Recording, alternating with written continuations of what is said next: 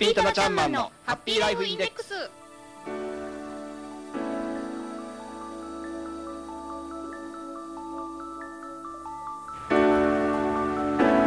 FP タナちゃんマンのハッピーライフインデックス。この時間はあなたの夢と未来をトータルサポートするライフサポート有限会社の提供でお送りします。私たちと一緒に明るい未来幸せな生活になるためのマネーライフを考えてみませんか？番組では皆様からの疑問質問を受け付けています。宛先はメールにてお願いします。hama アットマーク p-wave.ne.jp ハマアットマーク p-wave.ne.jp です。皆さんからのご質問などお待ちしています。さあそれでは早速一級ファイナンシャルプランニング技能士ライフサポート有限会社代表のタナちゃんマンをお呼びしましょう。タナちゃんマン。はいこんにちは。棚橋です。はい。タナちゃんマンこと棚橋さんに今日もお越しいただいてます。よろしくお願いします。はいこちらこそよろしくお願いします。さて、えー毎週お金についてマネーライフを考えてみるというこの番組なんですが、はい。早速今日のテーマを教えてください。そうですね。はい。今日はですね、えーお金のお先週はですねお金の管管理編ということでお話をさせていただきました、はい。袋分けなんですけれど袋分けじゃないな、えーお金の色分けなんですけれども、はい。色分け。そうですね、はい。色分けの中でも今日は貯め方ということでね、えーお金を貯めていく時のお注意方法なんかをお話ししていきたいと思います。はいお金には、えー種類が3種類あるというお話を先週伺って、ね。はい。えー使うお金貯めるお金、はい。そして緊急の時など用に取っておくお金、はい。この3つがあるということを勉強しました。はい。その中の貯めるこれについてですね、はい。今日は。そうですね。はい。はい、お金の貯め方そうです貯めねる方法ということですよね。そうですね。はい。あのー第1回目のねこの放送の中でお話をいたしました節約編というところではい。使うお金をですね、えー小分けにして袋分けにして、えー管理していく形でですね、えーはい。節約しましょうというお話をしたと思うんですけれどもねありまえー貯めていく時もですね目的別に、はい。えーあの袋分けをするような形でですね、はい。えーお金を貯めていけば効率効率よくお金が貯まることができるんですよというお話をしていきたいと思います。うん。というと貯金をするというのがまずお金貯める方法かなと思うんですけどそうですね。貯金にもいろいろこう分類をしていくというそうですね。袋分けをししてあの貯金をしていくっていう形ですね。はい。はい。例えばどんなそう感じで？ですね。あの例えばうん毎月毎月こうコツコツとですね積み立てをしたりだとか、はい。えーいう形で貯金をねされている人も思うんですけれども、はい。はい。何の目的でお金を貯めているかっていうところは重要だと思うんですね。そう言そうですね。私あのコツコツと最近ちょっとあまり貯められてなくてあの以前貯めてまして、はい。でもねあの使ってしまったんですよね、はい。ある程度貯まった時に、え。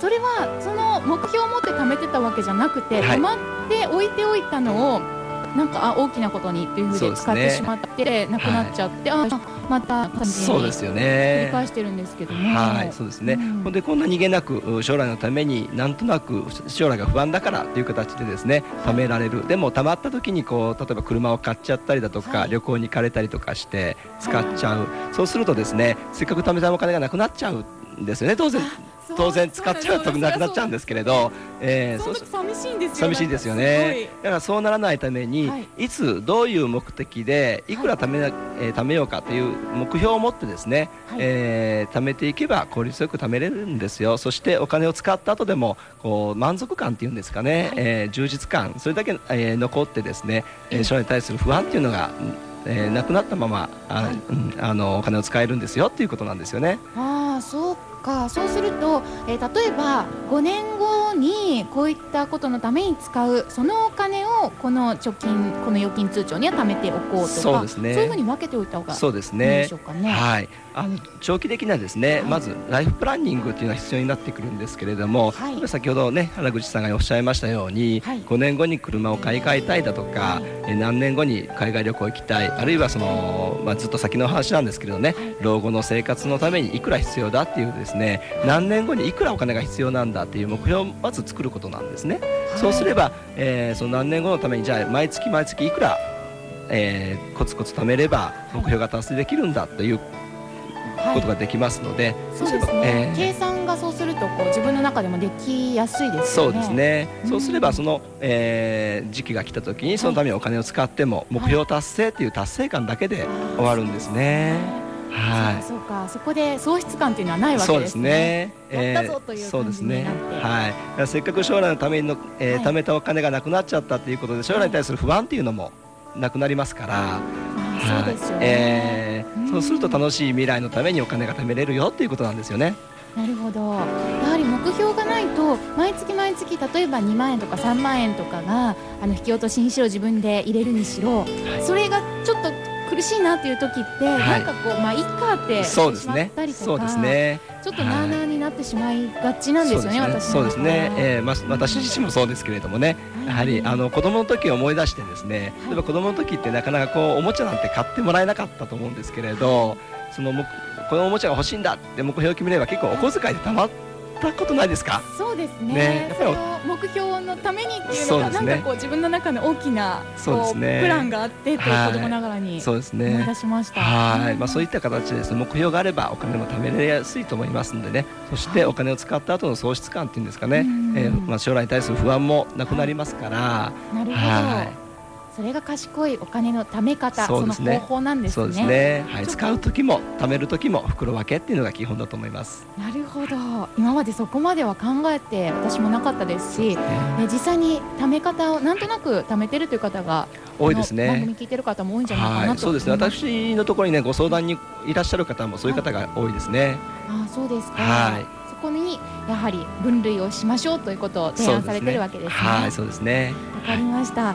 ではあの貯金通帳とかもこう分けておいた方がいいんでしょうか？そうですね。まああのやはりその目的別にですね、はい、あの金融商品を選んでいく必要もあると思います。あなるほどね、はい、じゃあ自分の中だけで分けるだけではなくしも商品でそれに適したものっていうのを選ぶことが重要になるんですね。そうですね。はい。では今日のお話を踏まえて、えー、そういった詳しいことをどんどん知っていきたいなと思うんですけれども。そうですね。はい。はいえー、先先週、先週そして今日とですね、はい、えー、お金の基本的なところで色分けというところでお話をさせていただきましたので、来週からは具体的なですねその目的別にど,、はい、えー、どのような商品があるのかといったところをですね、はい、具体的にお話をしていきたいなというふうに思います。あそうですね。そういったことをやはりねあの私自身も知らないですしどう選んだらいいのかっていうのは、ね、金融商品って多彩なものがあるので。はい。わからないので教えてください。はい、わかりました。はい、次回は今日の今日までの話を踏まえてどういった金融商品をお金を貯めていくために将来のために選んだらいいのか、ね、こちらをお聞きしていきたいと思います。はい、さあお金の貯め方そして管理方法などだんだんと分かってきたんですがより詳しくね、えー、棚橋さん、棚ちゃんマンにお話を聞きたいという方はぜひライフサポート有限会社にも直接お出かけください。えー、四日市市の日永にありますこちらのライフサポート有限会社事務所は生和町ですね。失礼しました。生和ですね。はい、四日市市生和町にありますライフサポート有限会社こちらにもお気軽にお立ち寄りください、えー、お電話でもお問い合わせいただいたりしても結構です。またホームページもありますのでこちらもご覧いただくと詳しい、えー、いろいろな教室の開催情報とか、ね。はい、あとは場所などもありますよね、ね、はい、はい、電話番号は零五九三三四八一一一。三三四の八一一一。えー、こちらまでお問い合わせください。そして、えー、ホームページ。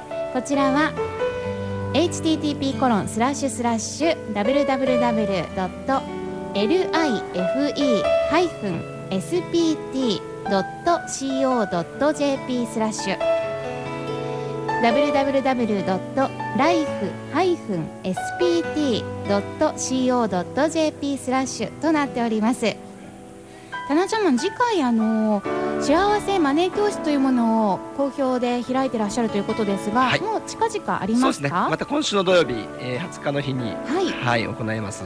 20日はどういった内容なんでしょうか？はい、えー、20日の日はですね、はい、すごく一番ご相談の多い生命保険についてお話をしていきたいと思っております。やはり身近なところですよね生命保険というのは、ね、はい、10月20日土曜日の午後2時から3時半幸せマネー教室の今回は生命保険コースということでお聞きいただきます。こちらのセミナーの会場は四日市市勤労者福祉センター日永東にあります四日市市勤労者福祉センターにて開催です。定員もありますのでお早めにこちらも、え、お電話などでお申し込みください。さあ番組ではマネーに関する質問疑問などを受け付けています。今後扱ってほしいテーマなどもぜひお寄せください。宛先はメール hama.p-wave.ne.jp ハマアットマーク p-wave.ne.jp またファックスでも OK です。ファックス番号059-350-0565 059-350-0565までお寄せください。さあ、たなちゃんも今日もありがとうございました。こちらこそありがとうございました。なんと自分の中でも、はい、こうマネーに対する、えー、こういった方法があるんだなということが具体的に分かってきた気がします。そうですか、ありがとうございます。はい、また来週もお願いします。はい、こちらこそお願いいたします。FP たなちゃんマンのハッピーライフインデックス。この時間はあなたの夢と未来をトータルサポートするライフサポート有限会社の提供で。アマゾのサテライトスタジオよりお送りしました。また来週この時間にお会いしましょう。それではまた皆さん来週バイバイ。失礼します。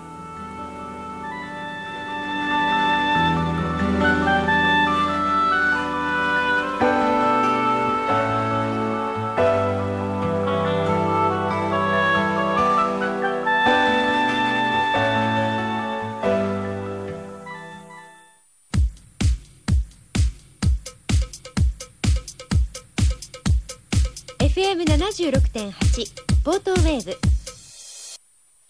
知って得することはたくさんあります。知らないと損することもたくさんあります。生命保険住宅ローン不動産資産運用。明るい未来とあなたの夢をファイナンシャルプランナーが最適のマネープランでトータルサポートいたします。ライフサポート有限会社。